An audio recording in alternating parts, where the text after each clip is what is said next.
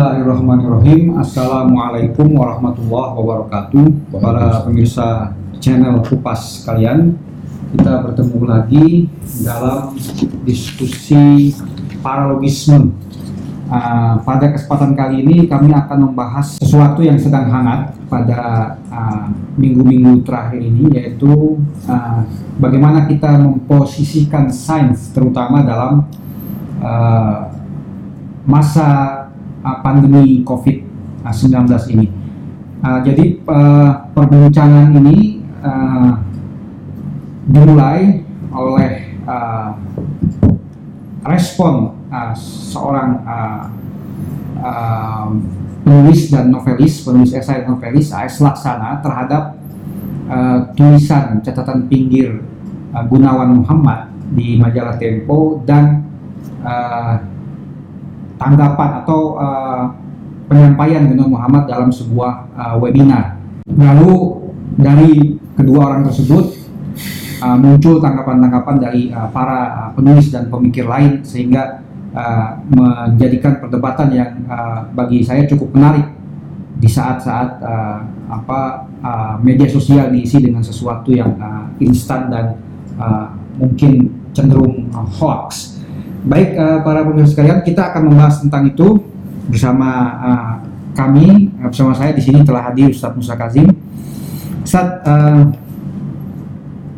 kita tidak akan membahas satu persatu uh, pendapat atau argumen uh, dari uh, uh, apa orang-orang yang ber, terlibat dalam perdebatan di Facebook yang guna Muhammad AS Laksana lalu ada Ulil Absar ada Abdallah lalu ada Taufikur Rahman tapi kira-kira uh, uh, uh, apa semoga saya tidak mereduksi kira-kira ada dua arus besar. Pertama Gunawan Muhammad yang uh, terbaca sangat uh, mewaspadai sains. Dia dia dia mengatakan dengan mengutip Karl Popper bahwa sains bertujuan mencari kebenaran bukan kepastian. Tapi persoalannya jadi sains berkembang sesuai zaman. Terus bertanya terus mendebat uh, teori-teorinya sendiri sepanjang zaman. Tapi persoalannya di masa wabah saat ini manusia secara individual maupun sosial itu tidak bisa uh, hidup dalam ketidakpastian yang terlalu lama. Butuh kepastian. Sehingga ada gugatan terhadap sains.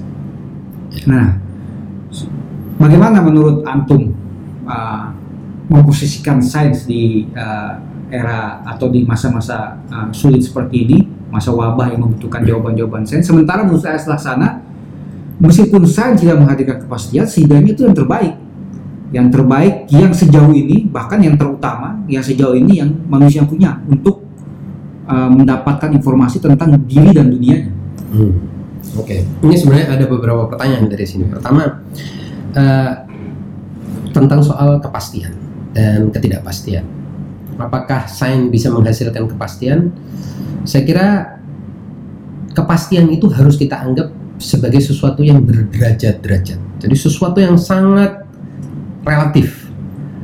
Kepastian bagi orang awam bukan kepastian bagi ilmuwan, pastinya. Sudah tidak lagi pasti. Hal-hal yang pasti buat orang awam tidak lagi pasti dan tidak lagi meyakinkan buat orang yang terus menggali. Hmm. Jadi kepastian itu sendiri sesuatu yang dinamis. Dia relatif dan dia berkembang juga. Ini jadi istilah kepastian ini sendiri harus Eh, kita bongkar ya maknanya dan kita tempatkan sesuai dengan kebutuhan setiap hmm. kalangannya. Kepastian untuk siapa? Karena dalam perdebatan ini kan ada yang sedang membela para pengambil kebijakan, hmm. ada yang sedang membela kaum awam. Hmm. Kan ada yang sedang berbicara kepada kaum awam yang membutuhkan kepada kepastian dan ada yang sedang berbicara kepada para pengambil kebijakan yang juga mungkin membutuhkan kepastian, tapi perlu diingatkan tentang ketidakpastian. Jadi hmm. siapa target audiensnya ini akan berbeda jawabannya. Ini yang bagian pertama dari hmm. uh, apa perdebatan kita. Bagian kedua adalah apa itu sains dan di sini kita harus uh, dudukkan secara tepat karena mungkin orang beranggapan bahwa sains itu melebihi kapasitasnya. Jadi sains itu hmm. adalah segala-galanya ini juga tidak benar ada tempatnya sains ada tempatnya eh, etika ada tempatnya, agama ada tempatnya, budaya ada tempatnya, bahasa ada tempatnya, dan itu akan kita bahas juga dalam kesempatan ini. Eh, Kemudian yang tidak kalah pentingnya juga adalah dalam menghadapi sebuah kasus seperti pandemi ini, mana yang paling harus didahulukan? Artinya Hmm. pendapat mana yang paling didahulukan?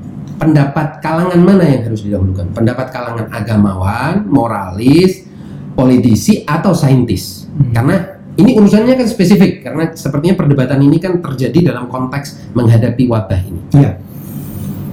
Nah, ini yang harus kita Jadi dudukkan satu-satu dulu. ada yang tidak sabar uh, menunggu jawaban sains dan ya kira-kira uh, kita sudah mengalami keterdesakan ekonomi kapan kota dibuka kapan ekonomi harus dijalankan lagi kira-kira seperti itu ada yang tidak sabar kira-kira Iya, iya makanya. Jadi kalau saya bilang ada keterdesakan dan ada ketidaksabaran dari kalangan yang paling terdampak, yang paling lemah, paling rentan. Dari kalangan kelas ekonomi paling bawah. Nah, ketidaksabaran mereka wajar karena mereka adalah yang paling susah, yang paling tertekan oleh keadaan ini. Tetapi ketidaksabaran mereka tidak bisa dijustifikasi oleh elit dengan pandangan-pandangan yang tidak jelas yang mengakibatkan pada akhirnya sains akan digusur oleh hal-hal yang kita tidak tahu apa Hmm. agama bukan moral bukan justifikasi yang dikhawatirkan itu menjadi cek kosong ini yang bahaya jadi maksud saya ketidaksabaran kalangan bawah itu perlu direspon oleh pengambil kebijakan oleh elit dengan sesuatu yang konkret bukan dengan menjustifikasi pandangan yang tidak saintifik dan tidak logis dalam menghadapi masalah. Kita ini yang harus kita dudukkan dulu. Hmm. karena menurut saya dari perdebatan itu yang dikhawatirkan adalah pemberian cek kosong kepada penguasa untuk melakukan apa saja dalam rangka apa adanya ketidak adanya eh, keterdesakan, adanya ketidaksabaran, adanya keadaan darurat itu tidak mengakibatkan orang boleh eh, melepaskan standar-standar dalam membuat kebijakan yang harus berbasis pada sains, berbasis basis kepada ilmu-ilmu pengetahuan dan lain sebagainya. Saya kira ini yang harus kita tempatkan, Hmm. kita dudukkan di situ dulu. Ya. Tapi bagaimana dengan uh, uh, ya uh, bagaimana dengan uh, argumen di sini juga Guna Muhammad menyampaikan dengan mengutip Heidegger bahwa sains itu tidak lantas bebas dari uh, apa uh, framing atau uh, bingkai pembingkaian. Ya. Nah, jadi bisa jadi ada uh, interest-interest tertentu dari sains. Berarti memang betul. Jadi bukan hanya sains yang tidak lepas dari bing- pembingkaian itu, tapi hampir semua hal, budaya tidak lepas dari pembingkaian, mungkin agama juga tidak lepas dari pembingkaian. Jadi semua hal itu kan ketika masuk ke dalam ruang sosial, ruang manusia ini tadi, ruang kolektif, ruang makhluk-makhluk hidup ini tadi, dia apa pun itu wacana itu ilmu itu agama atau apa dipermak sesuai dengan konteks dan bingkai yang ada. Jadi semuanya akan direduksi, tidak bisa berbicara seenaknya, tidak ada yang independen sepenuhnya. Saya kira hampir semua hal itu. Kita kalau baca misalnya sejarah agama, kita tahu bahwa pendapat-pendapat fikih tertentu, pendapat-pendapat agama tertentu, fatwa-fatwa tertentu ini kan memang pesanan dari kekuasaan tertentu eh, rezim tertentu. Begitu juga pendapat-pendapat sains. Begitu, begitu juga misalnya arah eh, penelitian para saintis ini kan didorong oleh adanya biaya dan seterusnya. Saya kira maksud eh, apa Ha- Husserl atau Heidegger. Heidegger itu tadi bahwa eh, pembingkaian itu terjadi karena tarik menarik antara penguasa dan ilmuwan kan gitu. Hmm. Tetapi bagaimanapun kalau kita mau bicara dari sudut pandang filosofis dalam melihat fenomena material, dalam melihat Hmm. kenyataan objektif, sains adalah yang paling bisa diandalkan. Objektif maksudnya material, benda, mengamati benda. Sains yang paling layak berbicara kan.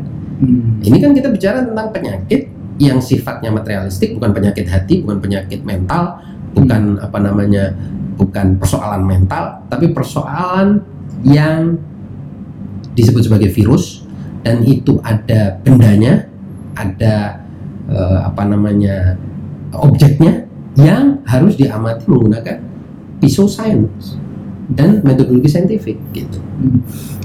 Ini saya cuma uh, ya harus uh, mentanyakan ini, mempertanyakan ini sama Ustaz. Uh, menurut Muhammad ada sesuatu yang tidak bisa di framing, Hmm. yaitu keindahan seni. Bagaimana menurut Ustaz? Mungkin ini agak agak keluar dari mungkin tapi harus dijawab juga. Sama sekali tidak benar. Keindahan seni itu juga diframing oleh kekuatan pasar, pembeli, Hmm. eh, konsumen, selera dan itu lagi-lagi ada bisa direkayasa oleh para pemodal, Hmm. oleh korporasi. Akhirnya seni tertentu, keindahan seni tertentu atau produk keindahan seni tertentu yang akan Hmm. laku dan kein- produk keindahan seni yang lain tidak laku. Kita ambil contoh begitu banyak orang mengakui keindahan seni kaligrafi Islam misalnya. Hmm. Tapi sekarang siapa yang adakah lembaga aja lah atau orang yang mewariskan saya masih ingat dulu waktu saya kecil orang banyak jago khat Arab misalnya atau jago kaligrafi Arab.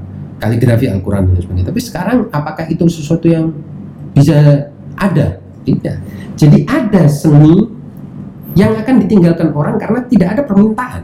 Jadi ini kan berarti apa? Ada kekuatan pasar yang akan mendesak serangkaian seni tertentu yang hidup. Yang lainnya terpaksa digusur. Dan ini kenyataan. Karena memang seperti tadi saya bilang pada hakikatnya ketika kita masuk kepada kehidupan sosial yang terjadi adalah konflik, konfrontasi, kontestasi itu tidak bisa lepas. Selama manusia hidup di bumi, selama mereka punya syahwat, punya keinginan dan punya ambisi, ya akan terjadi tarik menarik ini sampai akhir masa. Dan pembingkaian itu adalah sesuatu yang uh, bagian tidak terpisahkan dari kehidupan manusia. Ya, karena tadi yang punya kepentingan kan pembinaan ini terjadi karena adanya kepentingan-kepentingan. Yang punya pe- kepentingan akan mendesakkan kepentingannya ke dalam ruang publik itu tadi dan memaksa jenis-jenis tertentu, kategori-kategori pengetahuan tertentu, kategori- kategori-kategori seni tertentu yang boleh eksis. Nah, lalu bagaimana kita uh, bisa uh, melihat uh, apa uh, atau istilahnya menjalankan sesuatu yang setelah dalam tanda kutip tadi dibingkai tadi dalam sebuah keputusan publik. Misalnya karena sains sudah di framing oleh, kelompok saintis tertentu. Lalu bagaimana kita bisa mempercayai ini untuk sebuah keputusan publik? Ya, saya kira di sini letak pentingnya orang berada di garis tengah antara kepentingan perlunya ada kepastian Hmm. dan fakta bahwa apa pun yang dilakukan manusia itu tetap tidak pasti. Jadi di tengah-tengah itulah kita harus berjalan. Sel- khususnya mereka yang berkuasa, yang mengambil kebijakan, Hmm. yang memangku kebijakan, itu harus punya suatu kearifan untuk berada di titik tengah Hmm. antara kenyataan perlunya sekian banyak orang ini perlu kepada kepastian, keadaan yang darurat, tetapi juga di sisi lain ketidakpastian Hmm. dan eh, perjalanan yang masih panjang dari ilmu pengetahuan, sedikitnya bahan ilmiah yang kita punya dan lain sebagainya, sehingga dia akan selalu punya kerendahan hati untuk memilih yang terbaik Hmm. dengan cara yang paling bijak. Di sini jadi yang dituntut adalah kesadaran itu tadi. Jangan meng- merasa bahwa karena ini ada keterdesakan maka ambil apa saja yang paling gampang. Dan ini kan sebab musabab kita menolak pembangunanisme ala Orde Baru dulu. Bahwa mereka dulu terlalu mengandalkan pada pembangunan fisik, pembangunan yang sifatnya kita tahu pada akhirnya tidak berguna, hanya buang-buang harta kekayaan bangsa ini. Dan juga menyebabkan bangsa ini di tingkat eh, apa namanya mayoritas justru tidak pernah mengalami mobilitas sosial, mobilitas ekonomi tidak tambah kesejahteraannya. Yang tambah cuma sekelompok kecil konglomerat. Ini kan perdebatan ini apa? Eh, kritik ini kan valid sampai sekarang. Gara-gara pilihan yang seolah-olah waktu itu oke, lupakan orde lama yang begitu menekankan kepada ideologi, retorika tentang pembangunan karakter bangsa lah, nation, apa namanya karakter building dan lain sebagainya. Lupakan itu karena semuanya tidak membuat perut-perut orang kenyang dan tidak membangun jalan dan tidak membangun jalan apa tol, infrastruktur, eh, EPTN dan lain sebagainya, maka dikerahkan seluruh tenaga untuk apa yang disebut sebagai pembangunan hingga menjadi sebuah ideologi. Pembangunan mengalahkan semuanya. Kebebasan pers tidak ada, kebebasan ilmiah tidak ada, kebebasan berpendapat tidak ada. Masyarakat dibiarkan tidak berkembang secara intelektual dan lain sebagainya atas nama apa? Pembangunan. Dan ini gara-gara itu tadi mengira bahwa resep pembangunan itu mutlak pasti menghasilkan. Ternyata setelah sekian puluh tahun apa jadinya? Jadinya justru makin terpuruk. Jadinya justru resep itu memakan dirinya sendiri, yaitu ketika krisis ekonomi dan moneter, mereka yang begitu rupa berpegang pada ideologi ekonomi moneter ini malah tidak bisa merespon itu. Sekiranya mereka tidak sepenuhnya berpegang pada itu, sekiranya tidak semua telur itu dimasukkan di keranjang yang sama, barangkali kita masih bisa survive. Kita bisa melompat dari uh, krisis itu.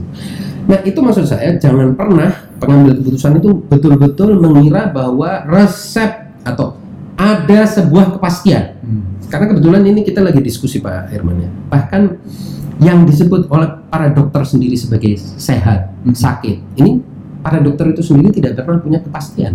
Hmm. Apa sih penyakit itu? Apa itu sehat gitu? Tapi harus tetap disampaikan kepada pasien yang awam. Gitu. Nah, dan dengan catatan, hmm. pada saat ini Anda sakit A, pada saat ini. Tapi setelah ini 10 menit kemudian saya nggak tahu sakit apa lagi. Hmm. Atau pada saat ini Anda sehat. Hmm. Setelah check up dilihat dokter pada saat ini Anda sehat. Tapi sejam kemudian nggak tahu. Oleh sebab itu tidak bisa Anda menggugat dokter misalnya Anda bilang dokter yang ahli misalnya. Wah, baru saja saya datang berkunjung ke Anda Anda bilang sehat.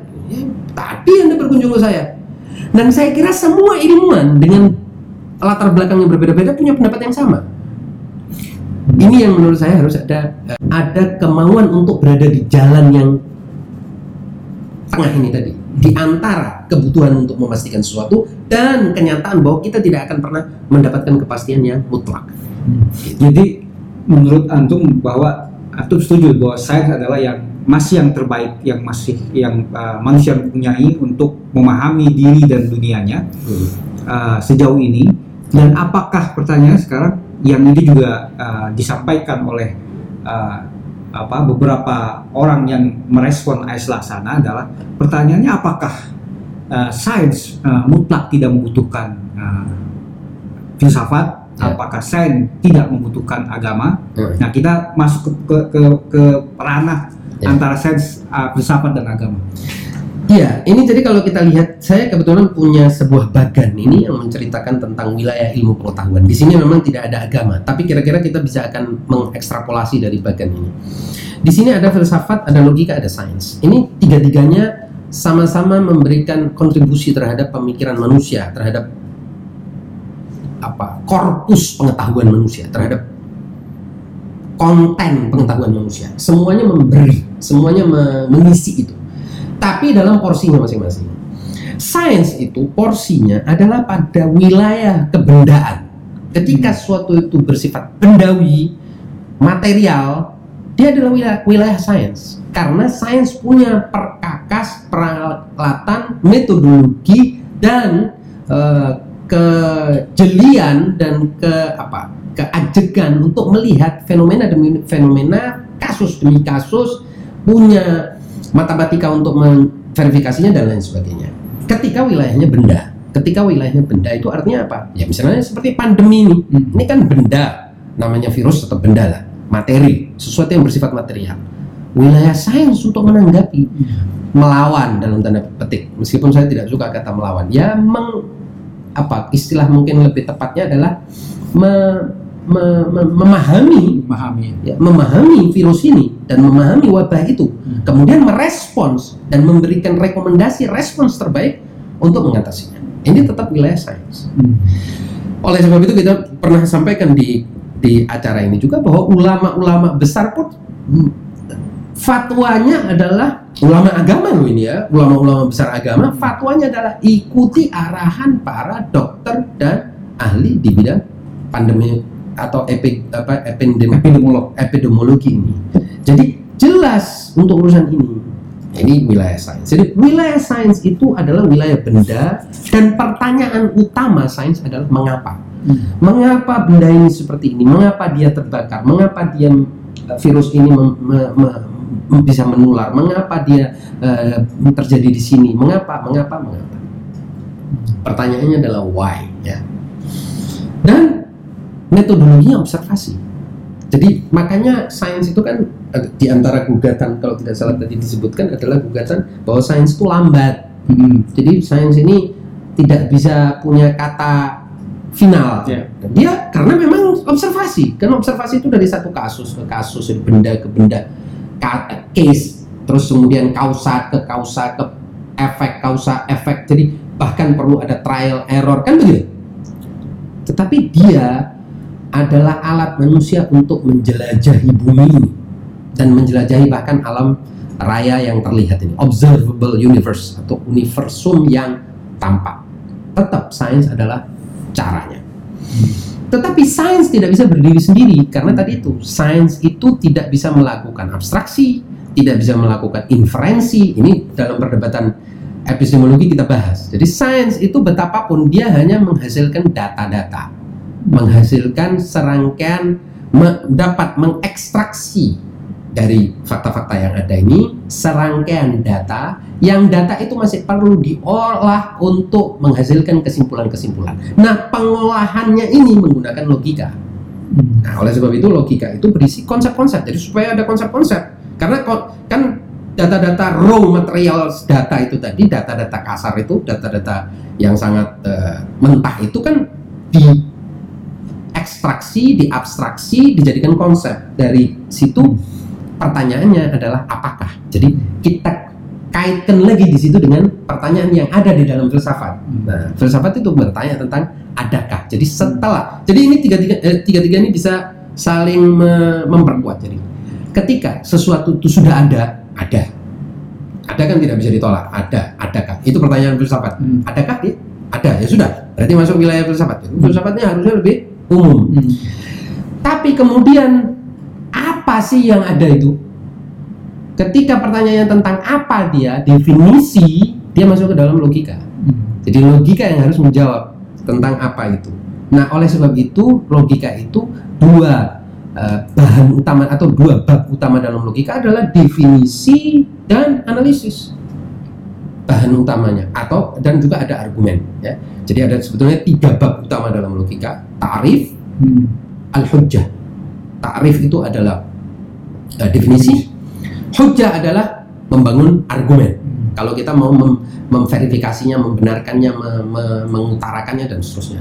Oleh sebab itu itu wilayah bahasa, wilayah wacana manusia Hmm. dan wilayah nutuk manusia yang disebut sebagai al-insan hayawanun natik wa- manusia binatang yang berbicara atau berwacana itu wilayahnya itu. Jadi dari logik logika ini punya hubungan yang sangat erat dengan bahasa, kata-kata dan pertanyaan tentang apa namanya kemungkinan apa ya pengungkapan, ekspresi dan lain sebagainya. Itu wilayah logika yang sejalan dengan itu. Nah, menurut saya dalam menghadapi kasus-kasus seperti wabah uh, dan juga kehidupan material manusia pada umumnya, sains tetap yang terbaik, alat yang terbaik. Kita bukan sedang bicara tentang kebenaran universal soalnya ini. Ini kan tentang kasus. Kita kan bicara tentang ah, mengapa ini barang ini jadi seperti ini. Kan gitu. Misalnya, Jadi, ah, nah, Jadi kalau dalam sebuah pasukan ibaratnya uh, apa ya sensit artilerinya gitu ya apa uh, kafel apa ya ujung tombaknya gitu kan ya. Iya, dan, dan juga pertanyaannya kan spesifik, kasus tertentu. Misalnya Anda berada di sebuah kapal, eh, kapal layar ya, kapal laut, kemudian terkena ombak, bocor. Yang bisa menjawab ini kan persoalan bocornya ini kan di tempat tertentu, kapal tertentu di tempat tertentu, di jam tertentu, di saat tertentu dan bahan kapal tertentu yang tertentu tertentu yang partikular partikular ini tidak bisa dijawab dengan logika atau filsafat. Betul, filsafat akan bilang yang bisa menjawab ini adalah pakar tentang kapal ini dengan bahan-bahan ini di waktu seperti ini artinya masing-masing jadi seolah-olah dirijennya itu filsafat. Logika mendefinisikan ilmu apa yang paling tepat untuk uh, menanggapi ini. Ilmu cuaca kah? Apakah ilmu met metalurgi kah? Ilmu navigasi kah? Apa ilmu yang paling tepat merespon kasus kebocoran kapal ini? Itu logika filsafat secara umum akan bilang kembalikan kepada pakar itu jawaban filsafat oleh sebab itu agama juga hmm. seperti filsafat karena wilayahnya juga wilayah yang sangat hmm. transendental dan universal, ya akan punya jawaban yang sama. Kembalikan kepada pakar-pakarnya, hmm. gitu. Sekaligus kalau agama ditambahkan, sekali selain kembalikan kepada pakarnya, berdoa minta kepada Tuhan. Karena dia yang tetap akan memiliki kausa prima untuk efek yang paling tinggi dan lain sebagainya. Barangkali pakar bisa hadir dengan doa. Nah, itu kalau agama. Tapi filsafat dia kembalikan kepada pakar. Siapa pakarnya? Logika yang akan mendefinisikan. Karena, karena logika kan ada klasifikasi ilmu. Iya. Nah, itu menurut saya. Jadi boleh nggak saya bilang uh, bahwa kalau kita ingin bertanya soal ada, ya. itu bukan sains tempatnya. Nah, bukan sains. Hmm. Karena itu sudah dijawab dalam filsafat. Adakah hmm. itu benda? Itu filsafat. Oleh sebab itu sains tidak boleh. Makanya para filosof mengatakan sains itu tidak punya aspek negatif. Sains itu tidak bisa menafikan sesuatu. Tidak bisa. Tidak bisa saintis bilang tidak ada benda di planet Mars. Tidak bisa saintis. Saintis hanya perlu ke sana, mengobservasi ada nggak kehidupan di sana. Tapi dia menafikan kehidupan di sana bukan wewenang saintis dan tidak bisa karena belum observasi. Hmm. Karena kan dia belum datang ke sana untuk mengatakan ada apa di sana. Filsafat di sisi lain bisa. Hmm. Karena filsafat bilang, mustahilkah kehidupan di Mars? Tidak, tidak mustahil. Oke, kalau tidak mustahil berarti dia adalah suatu kemungkinan. Kalau dia suatu kemungkinan, berarti bisa jadi terjadi. Bahkan ada kaidah, sesuatu yang mungkin akan terjadi.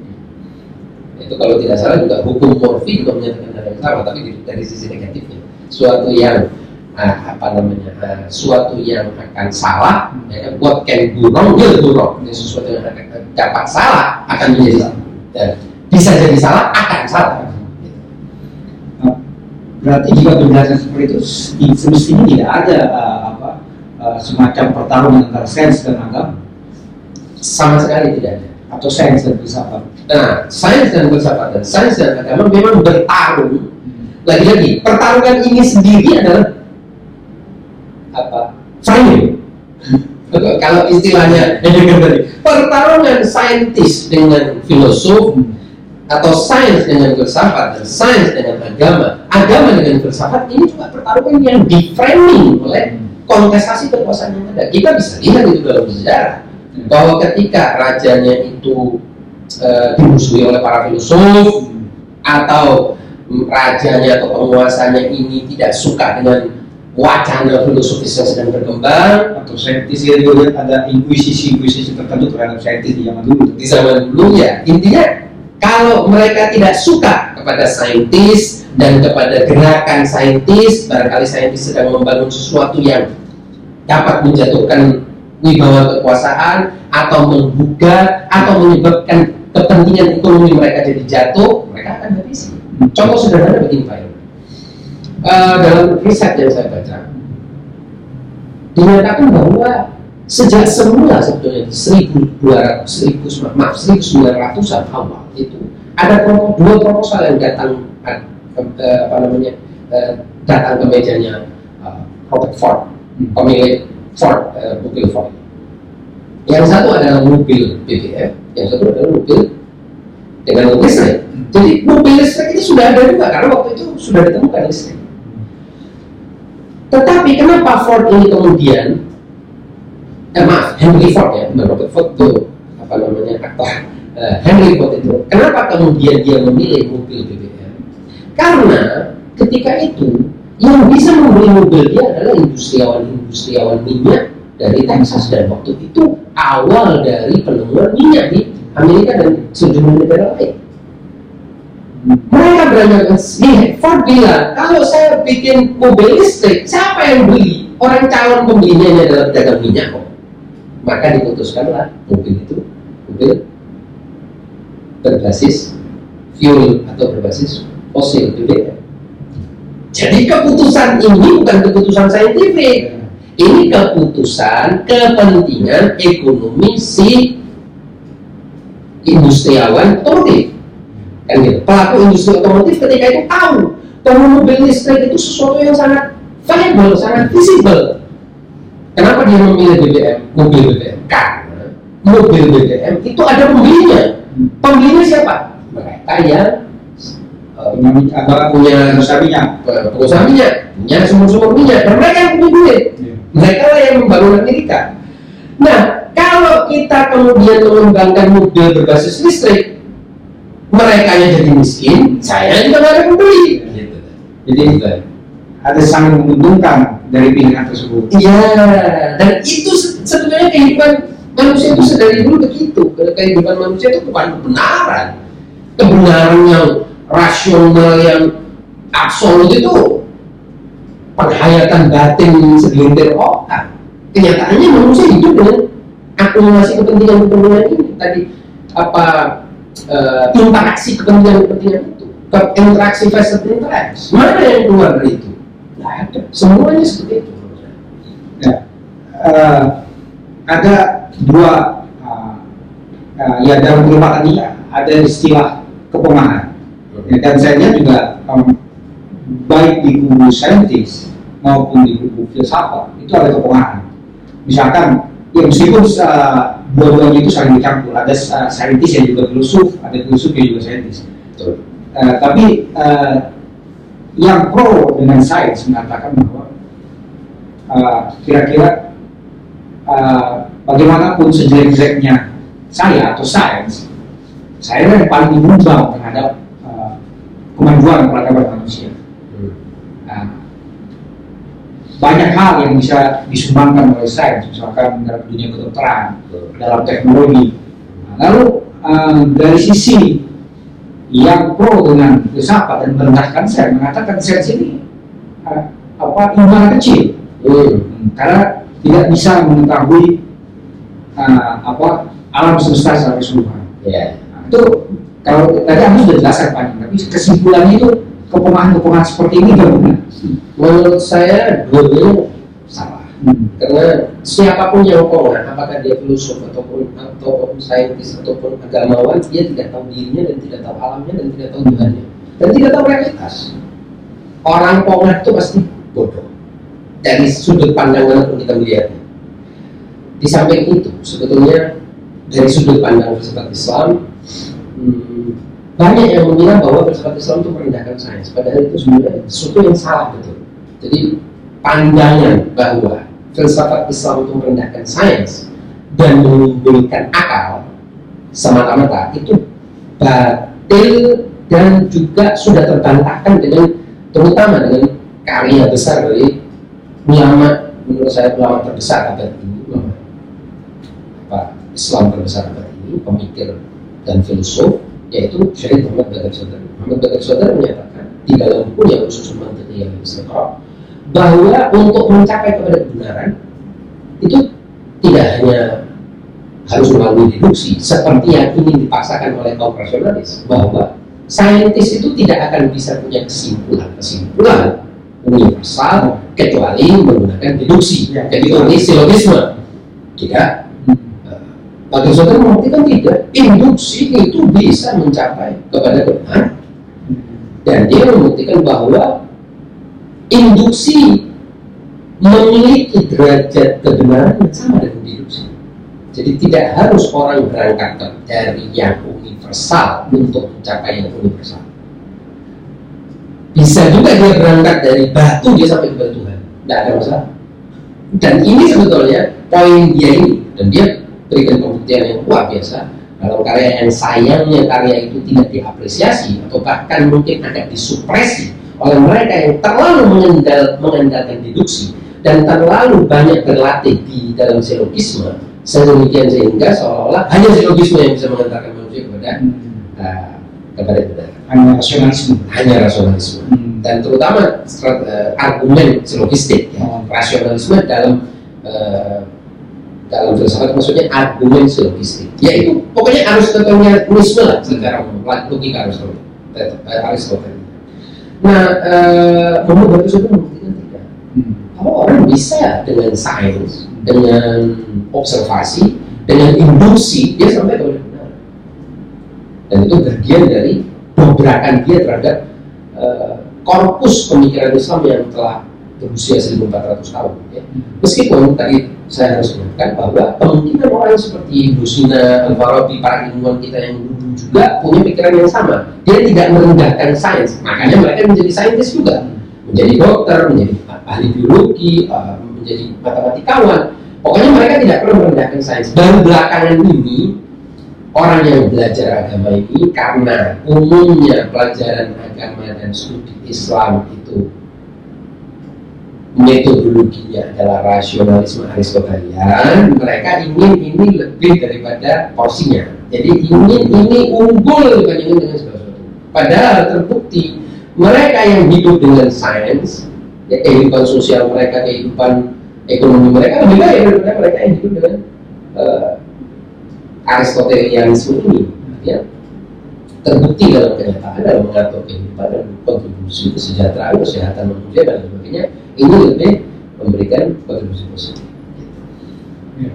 Terakhir, ya. ini terpicu dari uh, pernyataan apa penjelasan tadi. Bagaimana dengan uh, wacana-wacana uh, yang berkembang uh, mengkritik atas pencerahan soal krisis uh, kemanusiaan? Apa itu adalah krisis sains? Nah, menurut saya banyak juga tuduhan yang setengah benar ya, half truth yang tidak bisa semuanya ditimpakan kepada saintis dan sains. Benar, kalau saintis itu menjadi saintisistik, jadi menjadi ideologi yang biasa disebut sebagai saintisme, itu pasti akan jalannya jalan arogansi juga. Tapi tidak semua saintis begitu dan tidak tidak semua sains itu seperti itu. Seperti juga agama, seperti juga filsafat. Filsafat juga bisa menghasilkan rasisme, bisa menghasilkan pemikiran uh, diskriminatif bisa justifikasi-justifikasi filsafat juga bisa melahirkan sesuatu yang dulu bagi kehidupan manusia bisa menyebabkan manusia jadi ketir dan seterusnya. Nah intinya kalau menurut saya agama juga bisa ya. Jadi sama aja, semua bisa. Intinya menurut saya tidak bisa kita timpakan semua krisis modern dan krisis abad pertengahan mulai dari abad sampai mulai dari era pencerahan atau renaissance sampai sekarang ini kepada sains. Bahkan kalau mau ambil kasus spesifik, misalnya ada yang mengira bahwa ini buktinya Amerika, Eropa gagal mengatasi, mengatasi COVID-19 ini dan berbagai dampak sosial politik dan ekonominya, padahal mereka masyarakat Barat ini mengandalkan. Belum tentu, bukan ada juga banyak saintis yang bilang cara-cara Donald Trump yang menyebabkan kegagalan dia dalam menghadapi krisis wabah ini justru karena dia tidak saintifik. Jadi justru karena dia tidak saintifik, maka penanganan wabah ini jadi berantakan seperti ini. Bukan karena si Donald Trump itu saintifik, bukan. Meskipun orang Barat sangat mengandalkan sains. Sama seperti kita bisa mengoreksi diri kita sendiri. Kita kan masyarakat yang religius, tetapi apakah religiusitas kita bisa mengatasi banyaknya koruptor di negeri? Oke, okay. karena banyaknya koruptor di negeri ini berarti agama gagal. Enggak juga. Ya. Justru karena kita tidak religius, tidak cukup religius dalam melihat korupsi.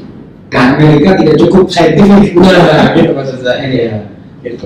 Oke, baik. Terima kasih. Kalau sudah sekalian, demikian uh, pembahasan kami tentang uh, bagaimana menempatkan sains di masa uh, pandemi ini. Saya kira tidak perlu saya simpulkan jadi uh, para usaha sekalian bisa mengambil kesimpulan sendiri-sendiri. Demikian uh, kurang lebihnya kami mohon maaf. Bila kami wassalamualaikum warahmatullahi wabarakatuh